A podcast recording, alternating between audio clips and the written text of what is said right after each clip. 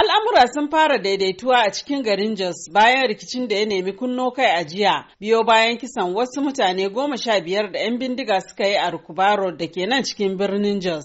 Duk da kone-konen motoci da keke napep da farfasa ofishin 'yan sanda da ke unguwar gada biyu da wasu matasa suka yi a jiya, a yau dai jama'a sun buɗe wuraren kasuwancinsu sun kuma ci gaba da sauran harkokinsu na yau da kullum. Kakakin rundunar da ke wanzar da zaman lafiya a nan jihar Plateau Manjo Umar Adam ya ce a yanzu haka sun shawo kan lamarin. Mun riga mun zuba jami'an tsaro wanda suke yawo layi-layi lungu-lungu da kuma titi-titi don su tabbatar cewa ba a sake samun karya doka ba kuma su tabbatarwa mutane cewa ka su daga hankalinsu. Za a iya cewa komai ya lafa kenan? Kwarai kuma ya lafa hajiya. To amma akwai rahotannin da ke cewa jami'an ku sun yi ta harbin mutane. A'a babu wanda suka harba. Duk inda muka je za mu yi aiki muna tabbatarwa cewa muna amfani ne da dokoki na cewa ba za mu yi amfani da bindiga ne da zai kasance ya cutar da mutane ba. Shugaban ƙungiyar kabilar Irigwe ta ƙasa da ƙasa Honorable Sunday Abdu ya buƙaci jama'a su yi haƙuri hukumomi kuma su gudanar da bincike kan kashe-kashen da ke aukuwa don samun maslaha. Ya za a yi a ce wa'annan mutane sun shigo kuma inda sojojin nan suke a unguwar kenan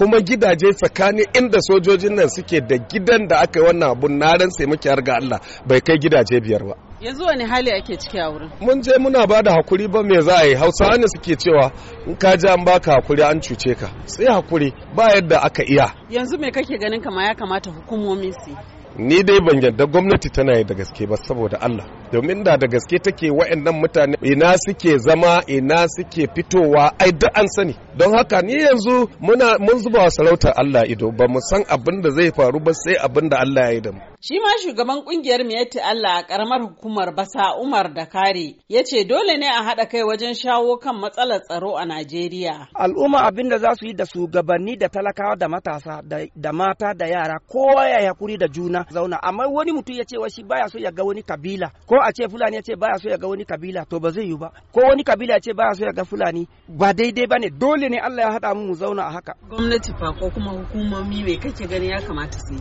Abin da ni na sani gwamnati tana adalci daidai gwargwado. To mu zo mu haɗa kai da wannan gwamnati domin a zauna lafiya. Abinda zai sa wannan abu ya kare to ta adalci. Idan ka kawo mutum kusa da kai zaka ji damuwan shi zaka samu halin da yake ciki. A halin da ake ciki dai dokar takaita zirga-zirga da gwamnatin jihar plateau ta sanya a ƙananan hukumomin jos ta arewa da jos ta kudu daga ƙarfe shida na safe zuwa ƙarfe shida na yamma na nan daram. Zainab babaji muryar amurka daga jos a najeriya